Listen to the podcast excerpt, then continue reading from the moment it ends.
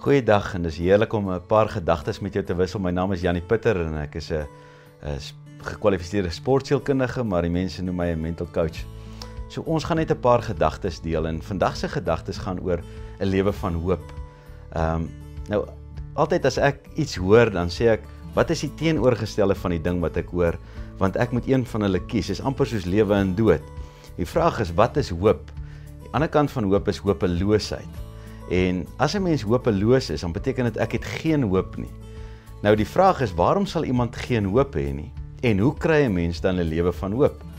Nou ek wil vinnig praat oor hopeloosheid want ons wêreld buitekant word gekenmerk deur 'n mate van hopeloosheid, mense wat opgegee het, mense wat opgee op hulle huwelike, mense wat opgee op hulle kinders, mense wat opgee op op 'n uh, toekoms.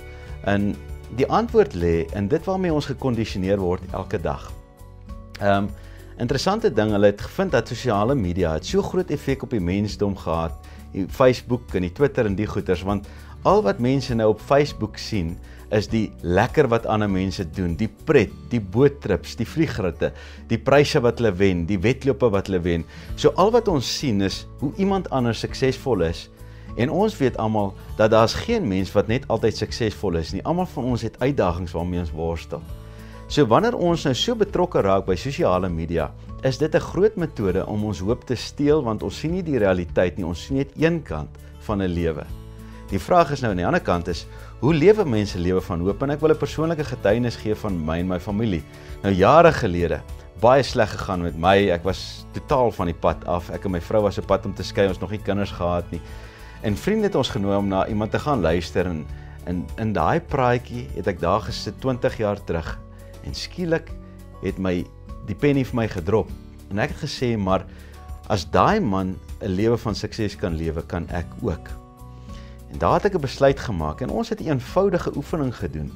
Um, ons het geleer om ons doelwitte vir 'n jaar te gaan neerskryf en dan prentjies te gaan plak van hierdie goedes wat ons doen So baie van ons as ek jou vra wat is jou planne vir die toekoms dan sê jy sê ja ek het klomp planne in my kop en ek ek het dit en so maar as ek jou vra om dit te gaan neerskryf dan gaan jy sê ag ek kan nou nie woorde sit by dit wat ek wil doen nie.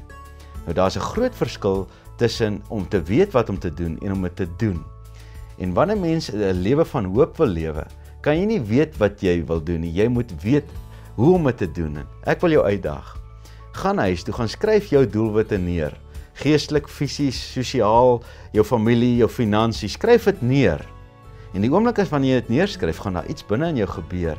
Want nou gaan jy weet, daar's die teiken wat ek wil tref. En as jy jou teiken begin tref, dan begin daai adrenalien uh, in jou lewe vloei. En jy sal verbaas staan oor wat gebeur as jou teiken vir jou duidelik is. So 'n lewe van hoop beteken 'n duidelike teiken. Baie sterkte. Ek hoop jy kry jou teiken.